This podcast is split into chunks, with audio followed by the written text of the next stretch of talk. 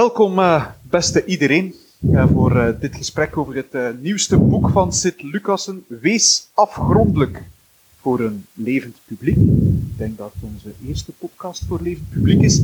En met de auteur natuurlijk, Sid Lucassen en Paul Cliteur. Ook in leven. Ook in levende lijven.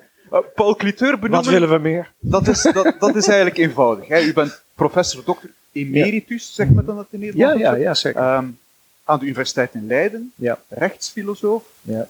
En iemand die zich met liefde en gedrevenheid in het publiek debat stort. Ik hoop het. aan de andere kant zit, zit Lucassen. Die benoemen vind ik iets moeilijker. Auteur ook bij Doorbraak. En van verschillende boeken. Um, die zich ook met liefde in het debat stort. Maar als je dan begint te kijken waar staat Sint Lucassen voor, dan, dan vind je van alles. Um, Eclectisch. Ja, de, ja uh, Afgro afgrondelijk. Afgrondelijk in ieder geval, ja. De huisfilosoof van Forum voor Democratie vond ik in 2020 al eigenlijk. Um, voor anderen het boekbeeld van alt-right. Uh, iemand noemde u in de Volkskrant hard rechts. Ja, wie of wat is Sint Lucassen en, en, en is dat eigenlijk belangrijk? Um, nou ja, ik omschrijf mezelf altijd als uh, realistisch humanist. Hè? Realistisch humanist? ja. Oké. Ja. ja. En um, ja, kijk, tegenwoordig al die klassificaties, labeltjes plakken op dingen. Ja, kijk, als je gewoon opkomt voor gezond verstand, dan ben je al hard rechts tegenwoordig. Hè? Ik bedoel, we hebben het allemaal gehad. Uh, Pim Fortuyn, nou, dat, die hebben we dan toevallig een paar maanden geleden herdacht. De moord op hem was twintig jaar geleden. Dan krijg je al die mensen van de gevestigde orde die zeggen: Oh, dat is toch wel heel erg. Die man is gestorven voor de vrijheid van meningsuiting. Dat mag nooit meer gebeuren. Het was zo'n flamboyant figuur, beschermde democratie. Maar ja, veel, zoveel van diezelfde mensen zijn gewoon verder gegaan met het demoniseren van alles wat, waar Pim Fortuyn voor stond. En cancel culture hebben we natuurlijk. En dan denk ik, ja, maar dit zijn gewoon dingen die leven in de haarvaten van de samenleving. Dus de overheid heeft het, het, het gevoel voor gepaste schaal en vorm verloren. Nou, migratie met alle bijkomende problematiek, het druk op de verzorgingsstaat, woningcrisissen. Ja, dat is allemaal doorgaan, dat is allemaal verergerd. En als je dat dan benoemt, waar eigenlijk de consensus al twintig is, dit zijn inderdaad problemen. Islam is natuurlijk ook een dossier op zich. Ja, dan ben je dan alt-right. Ja, sorry, maar dat, dat is gewoon, ja... U duwt waar het pijn doet. Precies, ja. Mag ik de vraag naar u ook doorkoppelen, uh, professor Cliteur? Wie is Sint Lucas? Nou, een beetje, uh, een beetje afgrondelijk is hij wel. Uh, dus ik vind hem ook moeilijk te, te peilen. Maar ehm, het is ook iemand die zichzelf voortdurend opnieuw uitvindt. Ik vind dus dit boek, Wees afgrondelijk, weer een hele nieuwe fase in zijn oeuvre. Ik heb hem gevolgd vanaf 2015, het moment waarop hij debuteerde eigenlijk. Met zijn boek over het avondland. Avondland en identiteit. Ik vond hem toen al erg interessant. en ik heb eigenlijk alle boeken die hij daarna heeft geschreven ook, ook gelezen. Vind dit een hoogtepunt in zijn oeuvre in de zin dat het, dat het, dat het die voorgaande boeken heel, heel goed samenvat. En um, ja, het is een cultuurfilosofische kritiek op deze tijd. Zo zou ik, het, uh, zo, zo, zou ik hem willen, willen, willen, willen typeren. Ik, ik vind dat realistisch humanist overigens ook wel uh, goed, goed gekozen. Daar kunnen we misschien straks nog wat verder uittypen, uh, uitdiepen. Maar um, zijn, discipline, zijn discipline, volgens mij, dat is de cultuurfilosofie. En, en dit is een cultuurfilosofisch werk van een van de belangrijkste vertegenwoordigers van de filosofie van deze generatie, zo niet de belangrijkste. Met die aantekening dat ik mezelf, en ik ben natuurlijk ook geschoold in Radboud Universiteit Nijmegen en gepromoveerd in politieke filosofie. Maar ja, je kunt eigenlijk zeggen, politics is downstream from culture. Dus de cultuur is altijd de voedingsbodem van de politiek. Dus inderdaad, ik kan ook zeker leven met het label cultuurfilosoof. We zijn hier samen voor dat uh, boek Wees afgrondelijk. U noemt het een samenvatting. Dus dan wel een samenvatting van 500 ja. en, en meer bladzijden. Je nou, hebt ja. er een, uh, een recensie over geschreven. Er is bij ons op Doorbraak ook één uh, verschenen van, uh, van Wim van Rooij. Ja, heel mooi verhaal. ja, van Wim, ja. In een, kan u in een paar woorden zeggen waar dit over gaat? Nee. daar Jawel, was ik, daar over, was, daar over niet deugen. Daar was ik al bang nou, voor. Nee, het, het, het, het, het is een kritiek op deze tijd. Ehm, eh, wat ik wel kan zeggen misschien, en we, we zullen straks op de inhoud van het boek nog verder ingaan, maar misschien is het wel aardig om, om te beginnen met een impressie van mij. Maar eh, wat ik heel erg interessant vond, dat is echt een persoonlijke indruk van het boek, dat is eh, dat hij mij, als iemand die weer van een oudere generatie is, op een gegeven moment dacht ik, denk ja, hij heeft gelijk. En we, eh, we moeten ook veel harder erin gaan in die discussie. Ik, ik, ik, ik heb mezelf dan wel eens als poezelig aangeduid. Ik ben er nog een beetje van, nou, een beetje glad strijken. En niet al te, de discussie niet al te zeer op de spits drijven. Een Maar ik denk, Is dat zo? Oké, nou ja, fijn, dan ben ik een ja. beetje Vlaams. Ja. Maar eh, geit ik, en de ik, ik geloof toch nu wel van, ja, eh, kool en de geit of de geit en de kool. Maar je moet toch ook wel gewoon, ehm, maar misschien heeft het ook een beetje met mijn pensioen te maken. Dat ik zeg, nou, daar heb ik nu geen tijd meer voor. Ik wil gewoon het nu loud and clear wil ik het gaan vertellen. En, en het is wel grappig dat iemand van de jongere generatie in een zekere zin een beetje mij daarin voorgaat. Dat ik denk, ja, zo moet het eigenlijk. Mag ik beginnen met de vraag, eigenlijk in, in het boek, misschien de zaak wat opsplitsen. Eerst de vraag, waar loopt het mis? En dan de vraag, hoe lossen we het op? Ja. ja. Waar loopt het mis? Je zegt hier een, een emancipatie van de ondeugd, hè, dat deugen, daar loopt het mis. Ja. En, en we passen ons daar te veel aan aan. Ja, aan dat deugen. Zeg ik dat Ja, zo Dat zeg je perfect. Ja, als ik, daar, ik neem aan dat je mij nu uitdaagt om daar kort iets over te zeggen. Eh, dat is zo toch, toch de bedoeling, ja. Ja, nou dan, dan, dan zou ik het probleem eigenlijk in twee kerndingen nu samenvatten, zoals ik het ook in het boek beschrijf. Namelijk ten eerste die 10% klankborders en ten tweede die deontologische ethiek tegen die teleologische ethiek. Dus om met de tweede te beginnen, deon is eigenlijk plicht, hè, Kantiaans, wat kun je verantwoorden naar je eigen geweten? En Kant zegt ook heel stellig, stel de wereld gaat ten onder, dan nog moet de rechtvaardigheid geschieden. Eh, nou, dat is dus een ethiek die gaat uit van wat kan ik aan mijn geweten verantwoorden en zijn mijn intenties zuiver? Is mijn geloof zuiver? Eigenlijk is het ook een beetje protestants. Hè? Wat kan ik tegenover mijn ziel verantwoorden? En die eh, teleologische ethiek, dus het Griekse woord telos in doel, dat gaat veel meer uit van welk doel streven we na, hoe is dat realistisch te bereiken? Stel, ik zet deze stap, wat is dan het gevolg? Wat kan ik nu reëel verwachten? Nou, eh, dan zie je een migratiediscussie. Hè? Als je dus over de, de gevolgen en de feiten gaat discussiëren, dan moet ook links je ook gelijk geven. Want ja, die migratie is natuurlijk niet goed voor het milieu, al die verplaatsing van die mensen en de vergroting van die voetafdruk. En het is natuurlijk ook niet zo goed voor de sociale samenhang in de wijken, dat er allemaal verschillende talen gesproken worden. En de druk op de verzorging staat en juist veel kwetsbare mensen raken ondergesneeuwd in dat soort verpauperde wijken. En juist die ja, vervreemden enzovoort. Dus er kan, links kan een heel eind meegaan in die analyses wel. Maar dan komt uiteindelijk bij de trekken van de conclusie. En dan vallen ze toch weer terug op de deontologische ethiek. Hè? Wat kan ik verantwoorden aan mijn geweten? Maar we moeten ons verplaatsen in die mensen. Wat zou jij doen in hun positie? We moeten als het Westen het goede voorbeeld geven. Wij, wij moeten de toorts hoog houden. No matter the cost enzovoort. Nou, dan krijg je, die- krijg je weer een hele andere ethiek uiteindelijk. Dus die twee ethieken, ja, die rijmen gewoon niet met elkaar. Die zijn ook niet te verzoenen. Er zit een afgrondelijke kloof tussen. Er zit een afgrondelijke breuk tussen. En het gaat helemaal terug naar Plato. Die dat dus beschreven al heeft in de Crito. Het gaat ook over Socrates. Het gaat ook over welke vormen van ethiek zijn er nu. En die zegt dat eigenlijk ook al. Tussen die twee ethieken, teleologie en deontologie, daar zit gewoon een afgrondelijke kloof tussen. Nou, dus dan kun je wel blijven discussiëren, maar dan kom je er niet. En dan kom je op die 10% klankborders. En dat eigenlijk om wie informeert nu het wereldbeeld van de elite. En de elite is dan ja, het bestel of het gezag of de gevestigde orde, de instituties. Ja, dat zijn wethouders, dat zijn topambtenaren, dat zijn CEO's.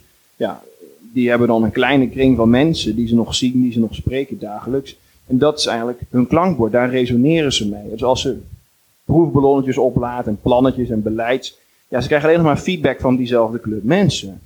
En dat is maar een heel beperkt deel wat uiteindelijk nog doordringt tot die beleidsmakers. En dat nog een reële afspiegeling is van wat je nu aan het doen bent. Hè, is het ethisch nog wel goed? Kunnen we nog wel leven in deze maatschappij? Beleid wat je voert, blijft deze maatschappij leefbaar? En die mensen natuurlijk opgesloten in, een, ja, in de jetset. Hè? Dus die sturen hun kinderen naar dezelfde scholen. S'avonds, of de, ze nou links of rechts zijn, s'avonds lopen ze elkaar tegen het lijf in dezelfde cocktailfeestjes. En ze lezen dezelfde cosmopolitische kranten. Ja, Is je dringt niet meer door tot die mensen. Is dat die globalistische elite waar het hier vaak over? Nou ja, de, in ieder geval, die elite wordt geïnformeerd door media die inderdaad globalistisch geneigd zijn. En ja, hoe dring je daar nog door? Kijk, een, een, een zelfstandige zonder personeel, hè, een ZZP of een MKB, het midden-kleinbedrijf. Ja, KMO. Precies, inderdaad, noem- dat klopt inderdaad. Ehm, ja, die hebben natuurlijk niet, die spreken niet de juiste baltstaal. Die spreken niet dat identitaire jargon. Hè. Dan kom je natuurlijk op het, jargon wat je eigenlijk, als je eigenlijk gehoord wil worden door de Europese Unie of door toplobbyisten of door topambtenaren, dan kan je zo'n aan een consultatie wel deelnemen. Maar om überhaupt te resoneren met, de, met die mensen, moet je wel de juiste deugdspeak spreken. Hè. Dus ingevoerd zijn in de juiste baltstaal. Dan moet het gaan over inclusie, duurzaamheid, diversiteit. Ja, en als jij die specialistische taal niet spreekt, die, die public affairs taal, dan gaan er gewoon die deuren gaan gewoon niet voor je open. Hè? Dus wat zie je dus? Dat, dat het wereldbeeld steeds meer geïnformeerd wordt door een steeds kleinere groep mensen. En dan kunnen we in, in theorie en in vorm nog wel een democratie hebben. Maar ja, Paul heeft ook wel gezegd, het wordt gewoon wet. Hè? Dus al die identitaire theorietjes, die komen allemaal terecht in juridische documenten, in gerechtelijke vonnissen. En dat kleurt gewoon het vocabulaire van onze instituties. Ja, en daar kun je niet meer doorheen breken als, als eigenlijk de middenklasse, als eigenlijk de ruggengraat van de maatschappij. De mensen die bij dag en dauw opstaan om gewoon te werken en voor hun gezin te zorgen. Ja, die, die, worden niet meer gere- die resoneren niet meer met die instituties. En dat zie ik als de kern van het probleem. Maar toch, ja, ik, hoor- ik hoor u instemmen, maar, maar toch, Ja, jawel, maar ik kan het iets korter, eh, iets korter samenvatten. Want eh, eh, kijk, eh, en, en dat is ook wel van belang, volgens mij. Ehm, het boek ehm, gaat dus heel veel over het, over, over het laten zien van. Ehm, dat het misgaat op het moment dat er een maatschappelijke, culturele en politieke elite aan de macht is gekomen. die alleen maar bezig is met hun goede intenties. En kijk eens hoe goed we zijn. En, en, en, en, en al die mooie dingen die we geloven. Maar ondertussen vernietigen, vernietigen ze de wereld. Want ze laten allerlei dingen gebeuren. allerlei processen plaatsvinden. waardoor het systeem hopeloos eh, vastraakt. Op het terrein van de migratie. Ze halen allerlei eh, eh, mensen uit, uit, uit niet-westerse samenlevingen. Halen ze naar binnen met een hele andere cultuur. waardoor je enorme clashes van, van waarden en normen krijgt. En dat wil niet tot ze doordringen, tot die elite. Omdat ze allemaal zeggen, nou kijk eens hoe goed wij zijn. En dat noemt dus Sid, die noemt dat deugdpronken. Dat voortdurend van, kijk eens hoe goed wij zijn. En we, zijn nou, nou, nou, oh, we maken ons zorgen over het milieu. Niet over, over de verwoesting van hun eigen cultuur. Dat zien ze niet. Hè, daar hebben ze in de vlek voor.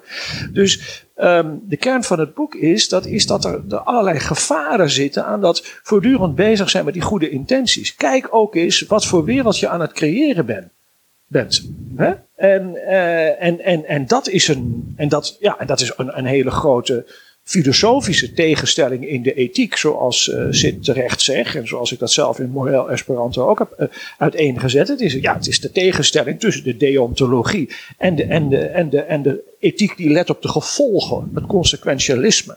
Ja. En eh, ja, volgens mij geeft ook Sid in dit boek, daar geeft hij een, een, een cultuurfilosofische draai aan. Hij laat dus zien hoe dat denken van die elites tegenwoordig functioneert. En, en maar- fnuikend dat is eigenlijk, U- u wat ze allemaal U zeggen. geeft het, pro- het probleem weer, of, of, of het concreet in, in migratiepolitiek. Ja, dus een voorbeeld, ja. maar gaat dat dan nog verder in, in, in andere politieke... Nou ja, het gaat ook verder. Eh, eh, Sid had het net over eh, dat realistisch humanisme. Ik vind het een hele mooie term. Mhm. Ehm, ehm, eh, kijk, het, het, het humanisme gaat ervan uit dat je geen, geen, geen, geen god of hogere macht nodig hebt om, om aan je leven zin te geven. En het probeert eh, de werkelijkheid eh, gestalte te geven met de mens, met, met de, met de mens als, uitgangs, eh, als uitgangspunt. Eh, dat is in, in beginsel eigenlijk een heel, heel mooi streven. Maar je ziet dat het humanisme tegenwoordig allerlei ja, politieke, politieke verschijningsvormen heeft gekregen. Weet je, denkt, ja, dat is eigenlijk geheel tegengesteld aan de oor- oorspronkelijke bedoel- be- bedoelingen eh, van, eh, van het humanisme. Erg onrealistisch wat ze allemaal ehm, doen. Dus dat, dat, dat, dat, dat realistisch humanisme zou voor mij ook wel een uitgangspunt zijn. Maar dat is erg op de terugtocht. Mensen zijn ook erg, zo mag je het ook formuleren, dat is misschien heel makkelijk geformuleerd, erg intolerant geworden. Ze kunnen op ge- geen enkele eh, alternatieve of dissidente gedachten meer velen. Alles moet vallen binnen de, wat, wat dan hier wordt genoemd, de pensée unique. Het is allemaal, e- al, die neuzen moeten allemaal dezelfde kant uit. Monocultuur. En op het moment dat je iets schrijft, zoals dit boek Hè? Wat daar buiten valt, dan, ja, dan is de wereld te klein, zeg. Dan, dan wordt er uh, groot alarm geslagen. Hè? In Nederland mocht de boekvoorstelling niet. Racisme, fascisme, nazisme rukt op. Oh, weet je wel, dan is het meteen onrust en paniek. Maar, maar is dat dan dat, dat, dat humanisme dat ontspoort? Is dat dan wat u zegt van we krijgen een soort automatisch hedonisme? Dat is een, een, een, een, waarbij de ziel een, waarbij de ziel een prijs betaalt in de vorm van een steeds toenemend narcisme, dat Ja. elke dag meer aandachttrekkend wordt. Ik denk dat woorden zijn van Ja. eh, Wim van Rooij uit zijn, eh, uit zijn recensie, dat dat Ja. helemaal op zichzelf terugplooien. Is dat het? Nou ja, de cultuur, maar dat gaat Sid wel uitleggen. Is- is aan. Ja, maar dan, dan kom je natuurlijk op die, op die körpercultuur, hè, op die lichaamscultuur. Dus ja. als er dus geen enkel transcendent ankerpunt meer buiten het individu bestaat, ja, dan val je dus toch op de verheerlijking van de vitaliteit, de schoonheid en de jeugd. Eh, nou, daar heb ik in Avaland Identiteit iets, iets meer over gesteld dan in dit boek Wees afgrondelijk. Mhm. Eh, ja, kijk, het punt is natuurlijk, eh, ja, daar komen dan, dat humanisme, dat neemt dus ook delen van de religie toch over. Of tenminste heeft, daar, heeft dat laten gebeuren. Dus ze hebben dan seculiere strevingen, maar die stuwen ze op toch met religieuze concepten als schuld, boetedoening, de klimaatapocalyps, het laatste oordeel. Dus ook, je bent zondig omdat jij in, in, in wilde leeft en in Afrika zijn ze arm, maar je bent zondig omdat jij CO2 verstookt, dus daar moet je boete voor doen. Nou, dat is eigenlijk, eigenlijk religieuze denkbeelden die in een, in een seculiere jasje gegoten worden. Eh, daar heb ik ook een aantal hoofdstukken over opgenomen. Eh, ja, kijk, de elite, om daar nog even op terug te komen. Kijk, zij winnen als ze een slechte krantenkop kunnen voorkomen. Dan hebben ze gewonnen en ze gaan verder gewoon uit van het goudvisgeheugen van de brede massa. Dus elke dag gebeuren er wel bizarre, waanzinnige dingen. Of het dan gaat over jeugdzorg, of het nu gaat over een minister die staatszaken probeert te verbergen door ze van zijn privé- privé-mail-account te versturen. Dichtgelakte documenten aan het parlement doorsturen. Mondkapjesdeals. Ja, je kan het zo gek allemaal niet verzinnen. Eh, maar de massa is de volgende dag toch allemaal weer vergeten. Want er gebeurt elke dag iets wat nog absurder is dan de vorige dag. Dus je, ik, dat is een heel belangrijk deel van het boek. En ik vind dat in alle recensies die tot nu toe verschenen zijn, dat dat nog niet helemaal goed naar voren gebracht is. Maar de, de normalisering van het absurde. Hè? Er gebeurt elke dag iets wat zo krankzinnig is dat je denkt van, is dit nou echt? En dan kan je erachteraan gaan lopen met fact-checking en onderzoeksjournalistiek. Heeft helemaal geen zin. Want tegen die tijd dat je die feiten dan hebt, is het al genormaliseerd en zijn we weer een stap verder. Weet je? Je, je kan die waanzin gewoon niet meer achterhalen door te gaan factchecken. Want de stormtrein aan, aan waanzin loopt altijd voor, vooruit daarop. Dus, dus er zijn zoveel absurditeiten aan de hand dat je zelfs een compleet krankzinnig wereldbeeld kan staven met feiten. Dat, dat is nu het punt. Dus elke wereldbeeld is te valideren met feiten. En zelfs de meest krankzinnige wereldbeelden zijn te valideren met feiten. Want we leven inmiddels in een krankzinnige werkelijkheid. Eén voorbeeld te noemen, er was dan een, een WOP-verzoek. Eh, dat is een soort. Ja, dat is niet uit te leggen, maar in ieder geval. Wet op openbaarheid van bestuur. Ja, dat, dat- Ja. precies. Nou, dan gaat het dus om dat je alles mag doorlezen wat ambtenaren naar elkaar schrijven, zolang ze in diensttijd zijn. In Vlaanderen. En dan werd er letterlijk gezegd: ja, eh, oké, houden mensen de worst voor dat ze misschien vrijheden terug gaan krijgen als ze zich eh, laten vaccineren. Zo kunnen we de weerstand wat naar beneden brengen. En oh ja, als het parlement lastige vragen stellen, zeg maar gewoon dat we met dit voorstel ernaar streven om alle onvolkomenheden van het voorstel te verzoenen. En dan heb je ook antwoord te geven en is een antwoord waar ze niks mee kunnen. Eh, dat is prima, want ik ben er trots op, weet je, laat ze maar lekker zitten. Nou, dat staat letterlijk dat ambtenaren dat elkaar dus sturen. Hè? Eh, Van, geef het parlement gewoon disinformatie. Weet je, stuur ze met een, met een, met een kluitje in het hoenderhok, weet je. Kluitje in het riet. Ja. Ja, echt. Dat staat gewoon letterlijk, dat zeggen ambtenaren tegen elkaar al. En dat, en dat zijn duizenden, tienduizenden pagina's die gewopt zijn. En daar kan je in zitten lezen, kan je in gaan zitten spitten. En dan kan je journalistiek onthullend stuk over een journalistiek onthullend stuk opschrijven. En dan staat het in LinkedIn, dan krijg je 30 likes. En de volgende dag gebeurt er nog iets compleet waanzinnigers. Hè? Dan gaat de ECB weer, weer gekke dingen doen. Of dan gaat er weer stikstof, of dan gaat er weer of een moslim weer iets op. Je- elke dag gebeurt er iets wat nog krankzinniger is dan de vorige dag. En dan kan je dat, en dan denk je, oh, ik heb nu onderzoeksjournalistiek bedreven. Heeft, sorry, ja, ik zit helemaal uit te wijden weer, maar dat heeft geen zin. De normalisering van het absurde gaat veel sneller dan dat de fact-checking de absurditeit van het absurde in het juiste licht kan stellen. Dat is mijn punt. Eh, en, eh, ja. en dan hebben ze ook nog de populisten. Hè, maar, maar hoe kan deze elite dat nou zo laten gebeuren? Dat is eigenlijk heel simpel. Want aan het eind van de avond hebben ze alle, alle shit weer over zich heen gekregen van de media en het parlement. En dan komen ze samen en dan zeggen ze tegen elkaar: ja, weet je, het had allemaal erger gekund. Want Farage had aan de macht kunnen komen, Orbán, Trump. Hè, we hebben Wilders is gelukkig niet de grootste partij. We hebben Vlaams Belang. En dan wordt het allemaal naar de externe populisten van... Het zou allemaal nog zoveel erger kunnen als de populisten aan de macht zouden zijn. Dus eigenlijk hebben we het naar omstandigheden best goed gedaan. Nou, ze hebben dus ook niet het idee van, oh, we hebben de burgers in de steek gelaten en we moeten dingen fundamenteel anders doen. Hè? Het is voor hen niet een soort aanzet tot een reflectie, wat doen we nou eigenlijk? Nee, ze voelen zich belegerd. Ze voelen dat zij aan de juiste kant van de geschiedenis staan, dat zij moral high ground hebben, dat zij moreel juist zijn en dat de populisten de onfatsoenlijke samenleving vertegenwoordigen, de driften, de onderbuik en dat zij juist staan voor het goede tegenover die populisten. Dus zo'n moment van reflectie en bezinning en zaken op de schop gooien, dat zal nooit komen zolang ze nog in het duale miljonaristische schema zitten van de onderbuik tegenover de hoogopgeleide cosmopoliet, de wereldburger enzovoort. Eigenlijk hoor ik u dan zeggen, we leven, en de media doet eraan mee, in een soort tunnel van een constant nu.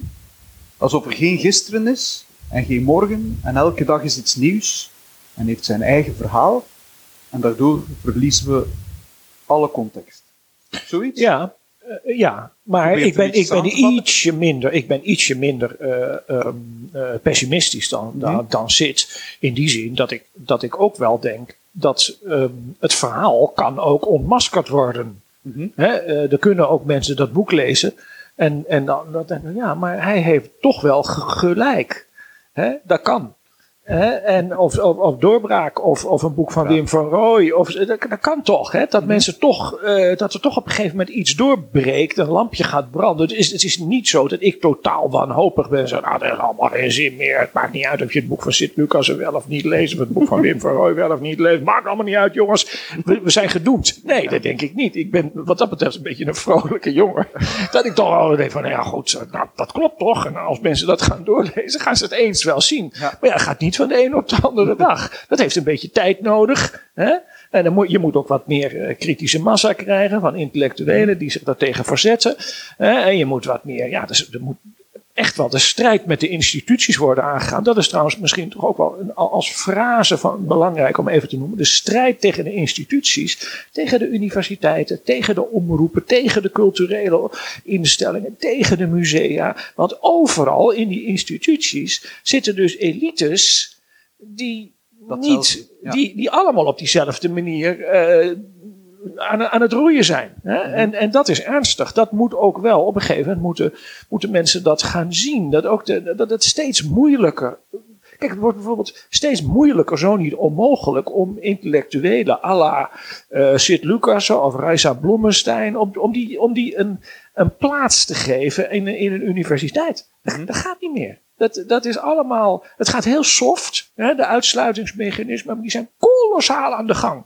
Dus, dat, dus, dus er is een enorme paradox. Enerzijds wordt er geschermd met diversiteit en inclusie. Maar dat is eigenlijk een Orwelliaanse term voor monocultuur en uitsluiting. Namelijk dit soort boeken en dit soort mensen. En dat is heel. Eh, dat moet je op een gegeven moment gaan zien. Hè? Dus dat, eh, in Nederland zeggen we dat kwartje moet vallen. dat is nog van voor de euro. Maar dat, dat muntje moet even vallen dat je, dat je dat gaat zien. En op, op een gegeven moment, als je weet dat is. Dan denk ik, oh ja, oké. Dan ga je er steeds meer eh, manifestaties van zien. En op het moment dat je het ziet, kun je het aan een ander vertellen. En die ander kan het weer verder vertellen. Maar op een gegeven moment heb je een kritische massa die het allemaal gaan zien. En dan moet je op een gegeven moment ook weer een verandering krijgen. En dan moet je omroepen krijgen in het Nederlands. On, eh, omroepbestel, zoals Ongehoord Nederland. Die er niet uitgewerkt kunnen worden. En dan moet je ook kritische intellectuelen binnen universiteiten krijgen. Die er ook niet uitgewerkt kunnen worden. Maar die wordt Ehm, doodgezwegen. Eh, sorry, die? Die wordt Genegeerd. genegeerd en doodgezwegen. Ja, evenwel. Maar op een gegeven moment moet je, als je met meer, als je met meer bent, krijg je toch, eh, de- hoop ik, iets Ja, voor het is elkaar. natuurlijk wel moeilijk om, om daarin door te breken. Ja, Eh, als je wordt dood, doodgezwegen. Ja, daar ben ik het met je eens, eh, Pieter. Dus om een voorbeeld te noemen, nou, dit boek gaat dus over cancel culture. En het werd dus zelf gecanceld. Want eh, ja, Douwe Bob, die mijn achternaam niet eens goed kon spellen. Dus ik weet zeker dat hij zich er niet in verdiept heeft. Eh, ja, die, eh, die, die dus gecanceld, die boekpresentatie. Ook, zonder dat te overleggen met Thierry Baudet, die dat dan geregeld had. Dat, ik denk, ja, weet je, die BN'ers, Thierry, die willen gewoon deugen. Daar moet je niet op bouwen. Hij zegt, nee, dat is goed, publiciteit, Douwe Bob. Die willen doen, leuk, leuk, leuk. Zeg, nou, als jij die man vertrouwt, weet je, dan ga ik op jouw woord af. Maar hij was dus niet te vertrouwen. Want uiteindelijk kreeg ik dus via Kerstin dus hier te horen dat Douwe Bob het boek had gecanceld. En via mij kreeg Thierry het dus weer te horen. Snap je? Dus dat is de maatschappij waar we nu dus in leven. En het is gewoon, die, ja, die deugenberners, echt, echt, laat ze naar de hel lopen. Eh, en we zitten dus nu in de situatie dat zelfs een boek tegen cancel culture gewoon zelf gecanceld wordt. Dat is nu de, nieuwe normaal, om te zeggen dat het absurde normaal is. Maar het is uiteindelijk wel gepresenteerd hoor. We hebben dat gewoon zelf in Arnhem, hebben we dat alsnog een goede opkomst. Bijna 100 man hadden we op de been daar. Dat zou natuurlijk ook niet echt veel meer aan, dat was heel goed. Ja, maar, je moet je, maar je moet je ook niet in allerlei schermutselingen. Dus, Ja, Douwe kijk. Bob is een ongeletterde zanger. Ja, Ja. Ik bedoel, je moet je Ja. wel focussen op rectoren van universiteiten Ja. en zo. Ja, en, die, had er nog nooit van gehoord. en die, doen Nee, het, en die niet. kanselen ook vrolijk Ik- ik ken mee natuurlijk. Maar dat ook niet. Maar weet je, met Thierry kwam er mee aan. Ik, ja, het zal allemaal wel, jongens. En toen hij het cancelde was ik ook niet verrast hoe- of zo. hoe- Ik dacht, hoe daar je- gaan we weer. Eigenlijk is dat ook een vraag. in- Hoe ga je daarmee om met die, ja, met die BN'ers, BV's, die, die inderdaad ook allemaal meeschuiven in datzelfde Ja. Verhaal Ja. dat overal wordt verteld? ik zei- Mo- Moeten we proberen die aan onze kant te krijgen? Nou, weet je wat het is? Thierry die zei ook van, zit, moet je het boek niet aan een bekend iemand aanbieden? Om, om het een beetje meer resonantie te geven. En ik zeg, nou weet je wat het is? Weet je, al die BN'ers, hun hele kapitaal is eigenlijk ja, hun, hun deugdgehalte. In hoeverre ze likable zijn in de media. Mhm. En dat maakt ze per definitie onbetrouwbaar. En ik kijk niet op naar zulke mensen. De mensen waar ik naar opkijk, dat zijn de mensen, net als mijn vader, die gewoon om vijf uur s ochtends gewoon opstaan. Dat ze, dat ze om half zeven op de bouw staan, weet je. En de, en de treinconducteurs en de mensen die de pont varen. Dat zijn de mensen waar ik nog op kijk, weet je. Dat zijn de laatste mensen die de samenleving nog draaiende houden. En, maar goed, die kunnen ook hun werk tegenwoordig niet meer doen vanwege stikstof en ander flauwkul. Dus ja, dan kom je toch op een beetje op Enjoy the Decline. Kom je, in, in, het, in het herdruk heb ik dus ook een hoofdstuk toegevoegd over dat eh, Mhm. Enjoy the Decline eh, verhaal. Ja, en dan kom je ook op het financiële verhaaltje. hè. Ik vind ook, de rechtse zwel mag ook wel eens wat beter voor zijn eigen mensen gaan zorgen. Want ik, ik heb dan echt die recensie van Wim van Rooij. Nou, toen ik hem las, weet je, mijn hart begon sneller te kloppen. Want ik denk, ja, als, al, ik, ben, ik, ik ben dan fijn, bijna 35, maar als 34-jarige auteur publiceer je zo'n boek. En Wim zegt, hè, dus een man die zijn hele leven aan het, aan het leren, aan het schrijven, aan het studeren gewijd heeft. Die zegt gewoon, dit boek is het startschot van een nieuw tijdsgevricht. En dan denk ik bij mezelf, ja, hoe ver hoger kan je dan nog, nog rijken, weet je? Wat kan je dan nog hopelijk nog waarmaken? En, en, en dan zit je met een of andere Ruben Hermsen te steggelen, die dan niet 100 euro voor een blogje wil, wil betalen. En iemand die nog van zichzelf nog nooit iets gepubliceerd heeft. Die zit dan te zeggen dat mijn blogje niet goed is en dat dat niet 100 euro waard is. Dan zit je, zit je op dat miserige kutniveau om gewoon fucking je brood te kunnen verdienen, weet je? Het is echt triest. En daarom, ik, op doorbraak lukt dat niet altijd, maar ik zeg altijd, ga naar mijn account sitlucas.backme.org. Dan kunnen mensen mij nog een beetje steunen. Dat is heel welkom. Maar ja, daar moet je het dan van hebben. Hè? Gewoon, gewoon, gewoon steun van je backme-account, van je, van je volgers, van je sympathisanten, van je enthousiastelingen. Ja, en bij die, die Wim Voermans en die decanen en die rectoren van de universiteiten durf je helemaal al niet meer aan te kloppen. Daar- daar- Daar koop je gewoon niks voor. En dan is die Robert Kerr, die zal me ook helemaal warm te maken. Zit onderzoek over Louis, Bloemenberg, Spengler. Nou, ik heb dus twee maanden aan het onderzoeksvoorstel zitten te werken eh, afgelopen oktober. En die hoort er gewoon niks meer van. Weet je, ze, beloven je iets, ze zeggen je iets toe. Maar ja, ook binnen die universiteit lopen ze natuurlijk weer aan tegen, tegen dat geroezemoes en dat geroddel en dan die cancel culture. Wat hij noemt dat, dat zachte mensen eruit pushen. Dus ik heb twee maanden ge- gewerkt aan dat onderzoeksvoorstel. Zegt die Robert Keur prima.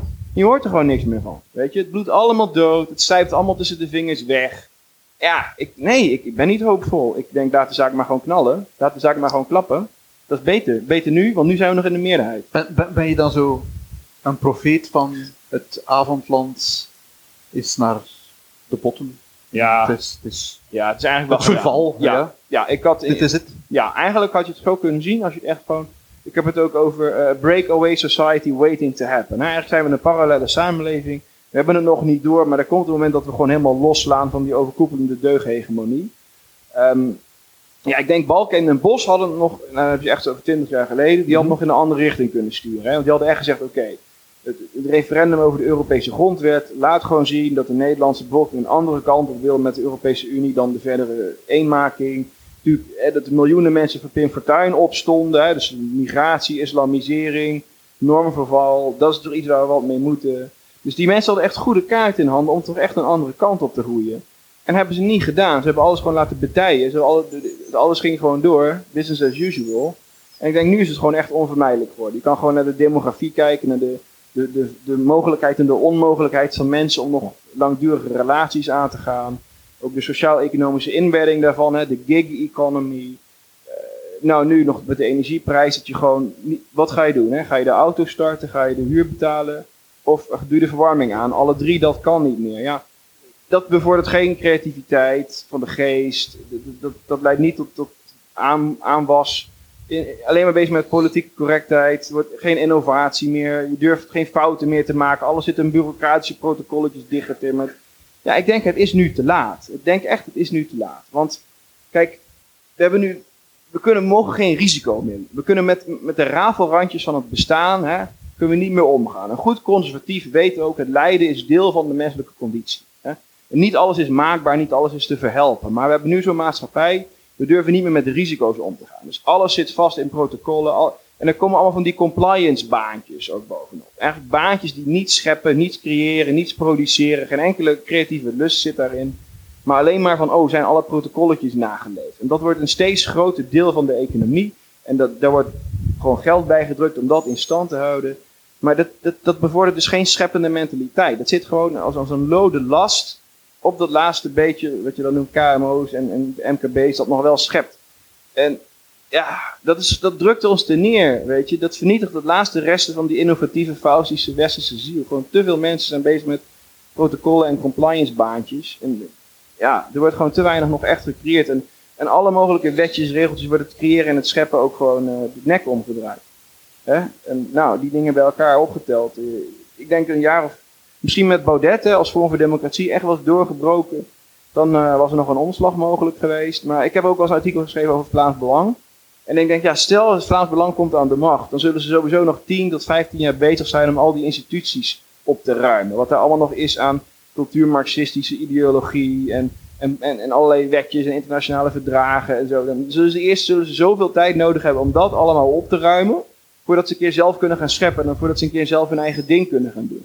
En tegen die tijd zullen we zoveel maatschappelijke weerstand weer hebben. Dat, ja, dat er gewoon een grote clash gaat komen. En dan is de vraag, wat gaat de kiezer dan doen? Wil, wil de, zal, het Vlaams Belang zal dan worden afgerekend. Of desnoods een coalitie van N-VA en Vlaams Belang als de Vlaming dat wil. Ze zullen dus eerst die institutie moeten opruimen.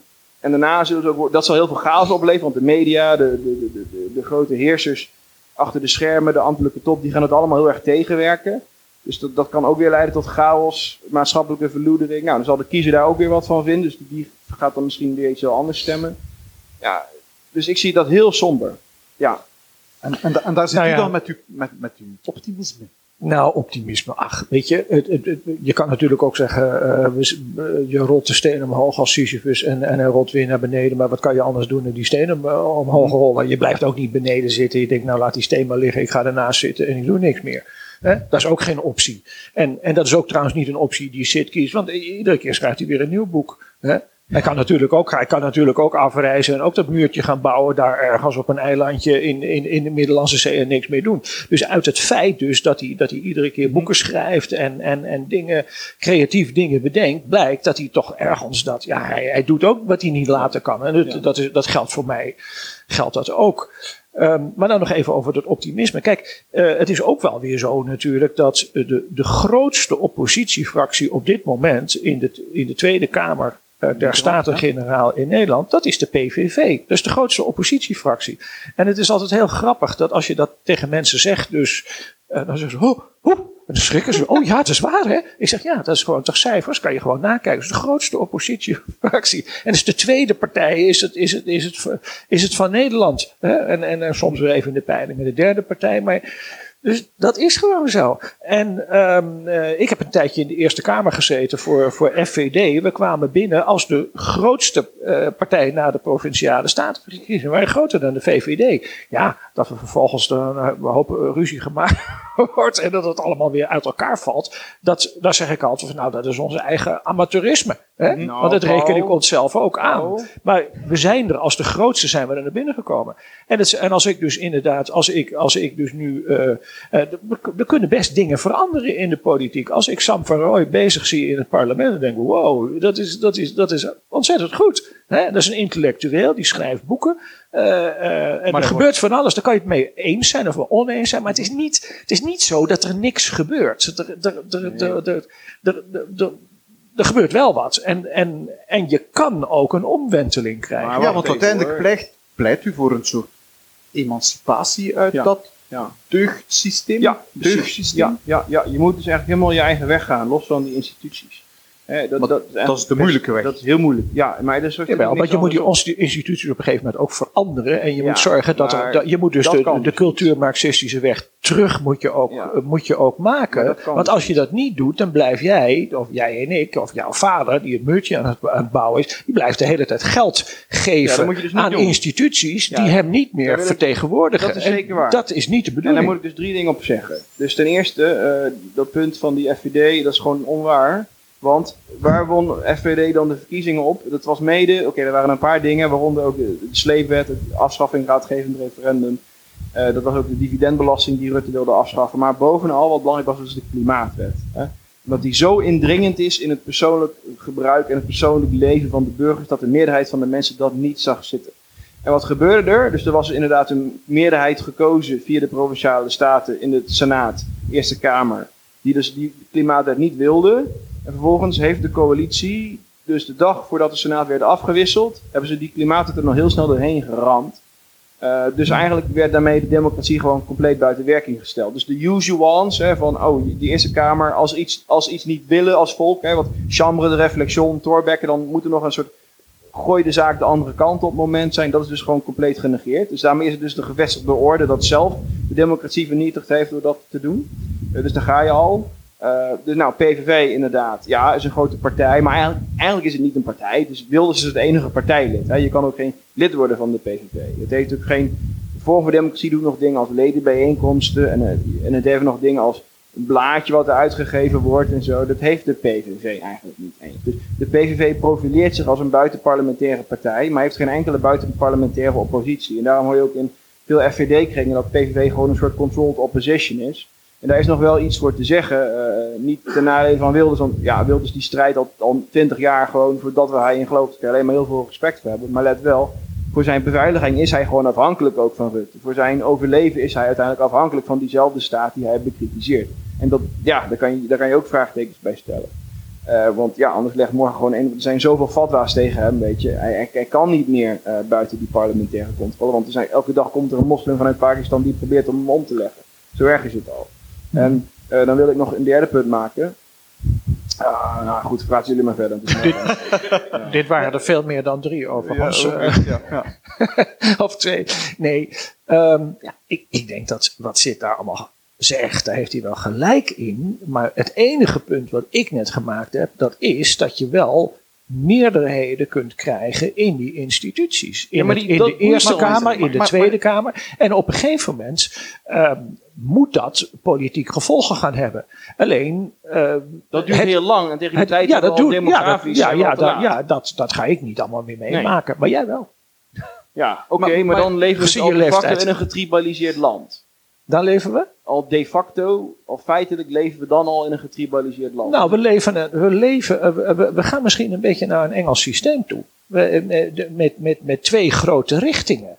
Hè? Da, da- dat is eigenlijk een beetje dat wat er, wat er gebeurt. Het is dus nu in het Nederlandse parlement is het zo dat, dat, dat met die, met, je, die, die, die, is nog net die meerderheid voor die coalitie. Hè? Het wordt steeds moeilijker, maar die is er nog eigenlijk net. Dat En, juist, en dan is er een enorme fractiediscipline. Dus alles wat die meerderheid eigenlijk wil, dat krijgen ze dus doorheen.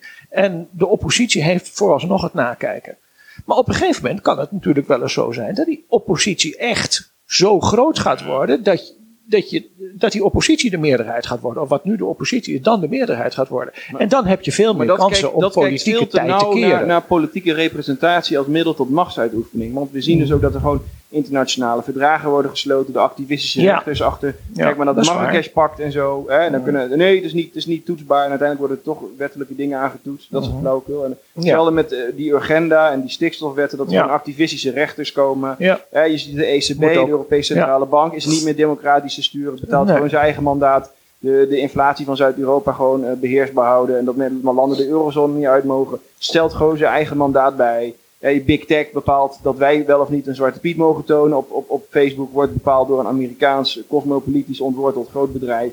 Ja, dat soort flauwkul. Dus, dus zelfs al heb je de parlementaire, de macht zit al niet meer in die parlementairs. De macht heeft zich al losgemaakt, is eigenlijk verdampt in Ja. de cyberspace van de globalisering. eh. Mhm. Maar toch, Ja, we ben zitten, ik allemaal wel met hem eens hoor. we, zi- we zitten hier de dag na eh, het herroepen van eh Roe versus Wade. Roe versus Wade. Ja. Ik kan me voorstellen dat een aantal conservatieven daar dan toch zeggen van, een kentering is mogelijk. Er kan iets veranderen, iets dat Ja. we dachten dat fundamenteel Ja, vast zeker. Ja, William Brennan, dus een voormalige eh, rechter in het Amerikaanse Supreme Court, Mhm. die zei: Ja, wat heb je nodig voor een verandering in de Amerikaanse samenleving? En dan zei hij: It takes five. En dan deed hij zijn hand omhoog. Je hebt vijf stemmen nodig in het Ja. Supreme Court van Ja. de negen. En dan heb je een Maar verandering. dat En dus nu, krijg, nu, heb je dus vijf die Nee. even iets terugdraait. Nee, wat- nee, nee. wat- Want, want kijk, want kijk, stel, hè, je bent gewoon een arbeider. Neem je wat, je bent metselaar of tramconducteur of wat dan ook. En je wil invloed hebben op je, op je politiek. Nou, dan kan je, de, de kans dat jij een parlementslid kan beïnvloeden is nog redelijk aanwezig. Want je kan gewoon het, kantoornummer van je parlementslid opbellen. Je kan eh, een, e-mail sturen. Eh, er is nog een redelijke kans om nog enig, enig contact te hebben met je parlementaire vertegenwoordiger. Als zijnde iemand gewoon van eh, ja, de lage sociale mobiliteit. Hmm. Nou, de kans dat jij een rechter kan beïnvloeden is nul. Dus zelfs als rechters besluiten van we gaan een andere kant op, ja leuk, maar dat brengt, dat geeft gewone burgers niet meer grip op hun leven. Dat verplaatst de macht alleen maar meer naar gespecialiseerde lobbykantoren die dan wel de toegang hebben tot die, tot die paar rechters die dat dan. Het vergroot de techno, technocratische, ja, dat. En toch pleit je voor een nieuwe zuil. Die Juist. Die het moet veranderen. Ja, juist. Ja, precies. Want dan ga je tegen al die instituties zeggen, fuck jullie allemaal, we gaan gewoon onze eigen weg. Somebody stop me. Hè, ik, ik, als er geen weg Wat, is, wat, dan wat maak bedoel je daar precies mee met die eigen zuil? Want ik dacht, ja, de verzuiling is voorbij. Ja, maar dat was ook. Nu weet ik weer wat het derde punt is. Want, want Paul zei er zijn dus meerdere districten. Hè, we gaan dus toen naar een soort districtenstelsel. Maar dat gaan we dus niet. Want je hebt niet alleen dus eh, de cosmopolieten en dan de nieuwe realisten. Hè, de, de Mhm. afgrondelijke realisten. Nee, je hebt ook nog eens een keer de islam. Je hebt ook natuurlijk het christendom. Heb je ook nog. Het christendom heeft ook nog zijn eigen zelfjes in Nederland. Hè, met de ChristenUnie en zo. En eh, zijn reformatorisch dagblad. En de, de islam, ja. Gaat de islam mee met woke, eh, genderneutraal, eh, cultuurmarxistisch links? Nee. Maar ja, ze zullen ook niet zo snel meegaan met het Vlaams Belang, weet je. Dus, nee, dus ja, er komt een soort multipolair landschap, komt er gewoon. Eh, Dat denk ik. Ze veel meer gaan toe naar tribaliteit, naar stammen, die het onderling een beetje moeten oplossen. En de overheid kan natuurlijk zeggen, oké, dit wordt heel gevaarlijk. Hè. De boeren worden heel boos, maar ook, we hebben natuurlijk al die radicale moslims en zo. Dat er gewoon te veel, te veel groepen zijn die, die gewoon het Black Lives Matter of zo, of het Extinction Rebellion en de milieufanatieken en zo. Dus dat de overheid zegt, we kunnen alleen nog maar de deksel op de pot houden door steeds verder binnen te dringen in het privéleven van de burger. En dus ook steeds totalitairder te worden, steeds controlerender te worden. Nu is de kans dat in Nederland dat gaat lukken veel groter dan in België. Dus eigenlijk staat de Belgen er gewoon beter voor dan de Nederlander. Dat is, dat is heel belangrijk. En ik denk dat dat eh, nog niet voldoende naar voren gekomen Ik is. zie twijfel in de zaal, Ja. moet ik eerlijk toegeven. Ja, maar toch is dat zo. Toch is dat zo. Ik zal ook vertellen waarom. Ja. Kijk, de Nederlander heeft die naïeve protestantse inborst van, oh, de staat is het gezalf, het gezalf eh, replacement van God. Hè? Dus plaatsvervangend eh, van God of zo. Dus, dus de staat zal wel weten wat goed voor mij is. Dat idee. Eh, maar de, de Vlaming, die weet eigenlijk, ja, die staat zijn toch eigenlijk een beetje een soort, soort verfranste minderheid. Die dan toch een beetje neerkijkt op onze, op onze taal en cultuur. Die eigenlijk ons een beetje als wij, wij betalen meer dan de helft van alles, maar toch zien ze ons een beetje als onderontwikkelde boertjes. Dus, dus, de, dus de Vlaming heeft veel meer een soort oppositioneel denken over zijn eigen overheid. En dat is, dat is eigenlijk geweldig. Want daar heb je een veel anarchistische staat. Het is veel moeilijker om dingen gewoon te regelen. En in België dan kom je op, eh, ja, er zal maar zo'n walvis eh, aanmeren. Hè. Dan kom je natuurlijk op, eh, het strand is Vlaams, het water is Belgisch. Ja. Wie kan die walvis dan ophalen? Daar ligt eraf of het app of vloed is. Nou, ja, maar dat is eigenlijk geweldig. Want in zo'n dysfunctionele staat kun je veel beter ontsnappen aan de tentakels van de overheid. Dan in dat protestantse Nederland, waarvan we denken, ja, het gezag zal er wel zijn voor het algemeen belang. Weet je, Nederland heeft graag een grote bek, zo van, oh, ik ben rebels. Ik ben vrijgevochten, maar bottom line is heel erg conformistisch. En de Belg is naar buiten is heel erg, is heel erg inschikkelijk. En naar de buitenkant is hij heel erg conformistisch en zo een beetje feodaal katholiek. Hè? Maar van binnenkant denkt hij, ik bepaal het gewoon lekker helemaal zelf. Dat zie je ook aan die scholen die gewoon hun eigen ding doen, los van wat de staat wil en zo. Die behouden, er zit veel meer in de Vlaming om gewoon in je eigen kring, wat, wat, wat Abraham Kuyper, daar gaat het boek ook over, soevereiniteit en eigen kring dan noemt. Dat is veel beter te realiseren nog in België dan eh, in Nederland. Maar Ja. die, die, eigenlijk was de vraag, die, die nieuwe zuil, wat, wat, wat, wat Ja. bedoel je daar eigenlijk mee? Wat, wat, Ja. wat, wat moet die dan doen? Moeten, we, Ja. moeten wij ons dan in ons eigen tribalisme opsluiten? Nou, die, dat, dan komt dus dat opsluiten, dat, dat, dat, dat suggereert iets heel anders dan wat ik bedoel. Kijk, we bouwen aan een reddingsboot. Hè? Dus we zien gewoon dat die instituties vanwege allerlei factoren gewoon uitgehold raken. Die heb ik allemaal al benoemd, hoef ik niet te herhalen. Dus wat er dan gaat gebeuren is, de burger moet toch zien te overleven. Nou ja, je hebt elkaar gewoon nodig. Hè. Dat werd heel concreet met die QR-code. Ja, eh, je komt gewoon nergens meer binnen als jij niet een QR-code hebt wat precies inzichtelijk maakt eh, waar je bent geweest, wat je gezondheid is, waar je hebt gereisd. Nou, ja, dat is gewoon het begin van social credit. En als je daar gewoon niet aan mee wil doen, heb je gewoon je naaste nodig. Hè. En het gaat erom om een realistisch bolwerk te maken van sociaal-economische verbanden zodat je gewoon elkaar kan beschermen ook tegen broodrood. Hè? En dat je ook je eigen intellectuelen ook kan beschermen tegen cancel culture. En niet van, oh, uh, iemand heeft een dierenwinkel en die, die zegt ergens wat van over halalslachten. En vervolgens krijgt hij 20.000 activisten over zich heen. En moet die gecanceld worden en uh, mogen de klanten niet meer naar het winkeltje. Nee, fuck it. Je gaat gewoon elkaar beschermen. Je gaat gewoon, je gaat gewoon de boodschappen doen bij de mensen waarvan je weet dat ze aan jouw kant staan. Weet je? Dat doe ik ook als ik een feestje geef. Als ik bijvoorbeeld, uh, ik wil dus een paar maar uh, dat boekpresentatieverhaal, nou, Bob had hem gecanceld, Dudok had hem gecanceld, Café Haarhuis had hem, of Hotel Haarhuis had hem gecanceld. En uh, nou, uiteindelijk was er wel een café en Velp dat het dan wel wilde. Dus, nou, dan ga ik daar ook mijn verjaardagsfeestje geven. Dus mm. fuck al die telco's. Ja, ja. ik, ik, heb zelfs het punt nu bereikt, dat, ik, dat ik dus als ik even op het station een half uur moet wachten op de trein, dat ik naar Hotel Haarhuis ga en dat ik daar gewoon naar de wc ga en daar gewoon in de lounge ga zitten zonder wat te kopen en zo. Gewoon omdat ik zoiets heb van, ja, fuck jullie, weet je. Als ik, uh, als ik, ja, ik ga, dat, ik ga dan niet, uh, niet hun, ik ga, nu niet, ik ga niet nog enige inkomsten op hun, uh, op, op hun, nee, maar ik ga daar wel naar de wc. Gewoon dat, dat punt, ja, ja, ja. Ja, ja, dat punt heb ik gewoon bereikt. Maar, maar dat, is toch ook, dat is toch ook niks meer mis? En dat is ook niet zo heel gek wat je daar zegt. Dat is eigenlijk helemaal niet zo heel gek, toch? De, de, kijk, die. Kijk, ik denk, wat ik versta onder de, onder de verzuiling in de zin zoals Sid dat nu bepleit. Uh, dat is dat je op een gegeven moment mensen met ideeën zoals die van Sid en van mij en, en, en, en, en van Wim Verhooy en nog een paar mensen. Op een gegeven moment merk je dat je de hele tijd aan het aankloppen bent bij die, bij die liberale instituties. En die zeggen van, ah, niks net te wild. Net te wild hoor. Ja, het, we zijn tolerant hoor. Alles kan. Maar nee, dit gaat net een grensje over, weet je wel. En op een gegeven moment merk je dus dat je. Dan, dan denk je, nou, ik wil nou wel eens een keer aankloppen bij, bij, bij, bij een tijdschrift of bij een omroep. Of die zeggen van, van nou, basically vinden we het eigenlijk wel goed, jouw waarde en normen patroon. En we gaan alleen maar naar de kwaliteit kijken. Mhm. Ja?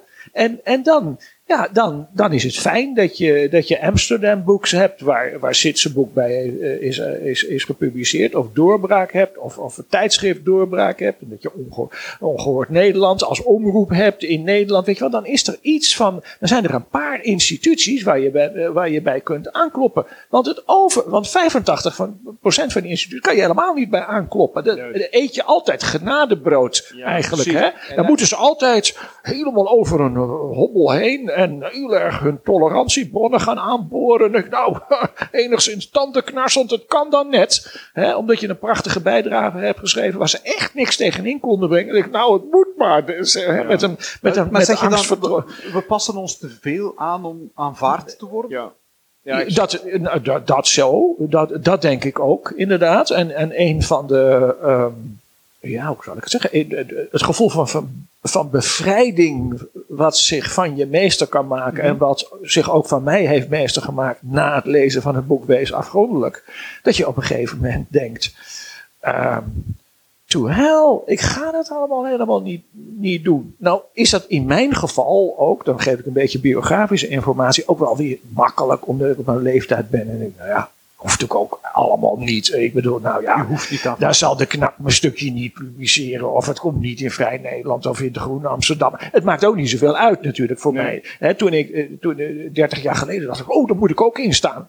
dan was ik daar nog meer eager om deel uit te gaan maken van die nieuwe wereld. Maar dat helemaal niet meer. Maar, maar ik vind wel dat er een wereld gecreëerd moet worden waarin uh, uh, Sid Lucas en Raisa Blommestein en Thierry Baudet gewoon aan kunnen schuiven bij die instituties. Helemaal als ik die zelf mede betaal. Precies, je wordt als ik, de, Nou, dat is natuurlijk een beetje het, hele publieke omroepbestel van Nederland wordt hoog gehouden met belastinggeld. Maar tegelijkertijd wordt er een heel groot gedeelte van de bevolking gewoon rukzichtloos wordt uitgesloten. Juist. Want ze, ze, hebben dus een om je daar tegen te verzetten. Zeker. En dat, dat is dus ook precies wat we doen hè? Op, die, op, op, op dit moment. Nog op dit moment nog heel poezelig doen we dat nog. Op dit moment moet gaan worden. ongehoord maar is, is, dat wat u, wat u bedoelt met wees afgrondelijk, dat Juist. we ons bewust moeten zijn van die afgrond die Juist. er is. Juist.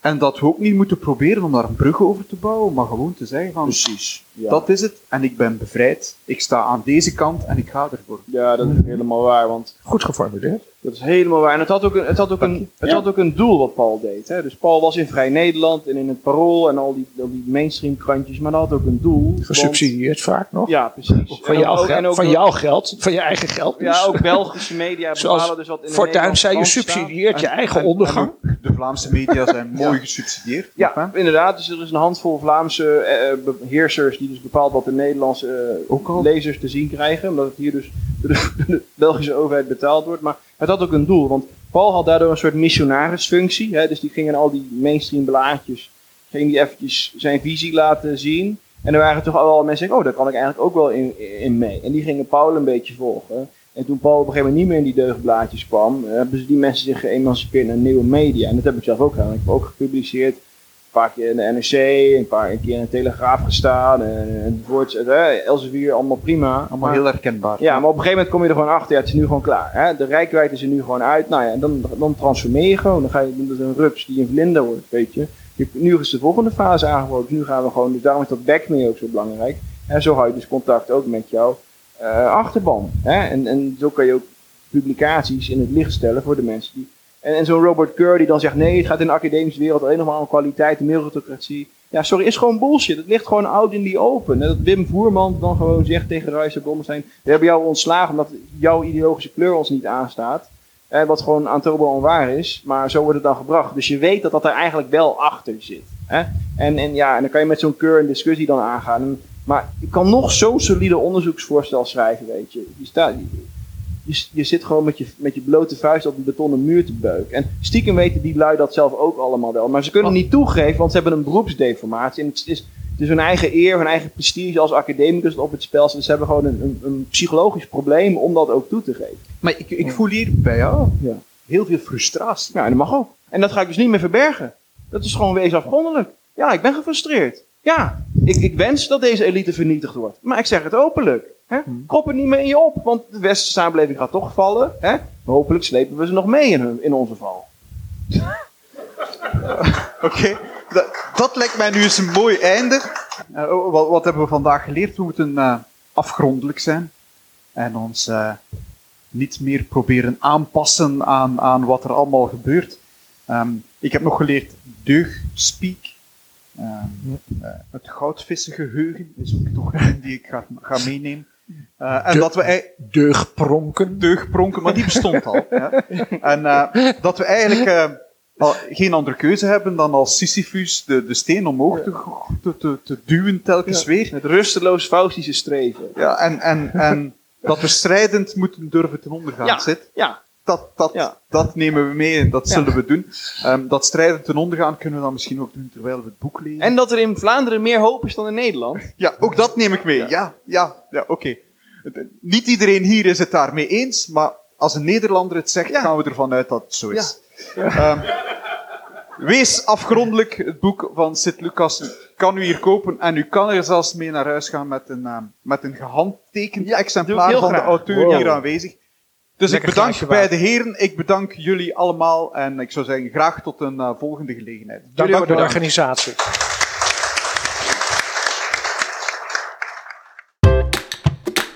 Dit was een episode van Doorbraak Radio, de podcast van doorbraak.be. Volg onze podcast op doorbraak.be/slash radio of via Apple Podcasts, Overcast of Spotify. Bezoek ook onze website op doorbraak.be en steun ons door een vriend te worden van Doorbraak.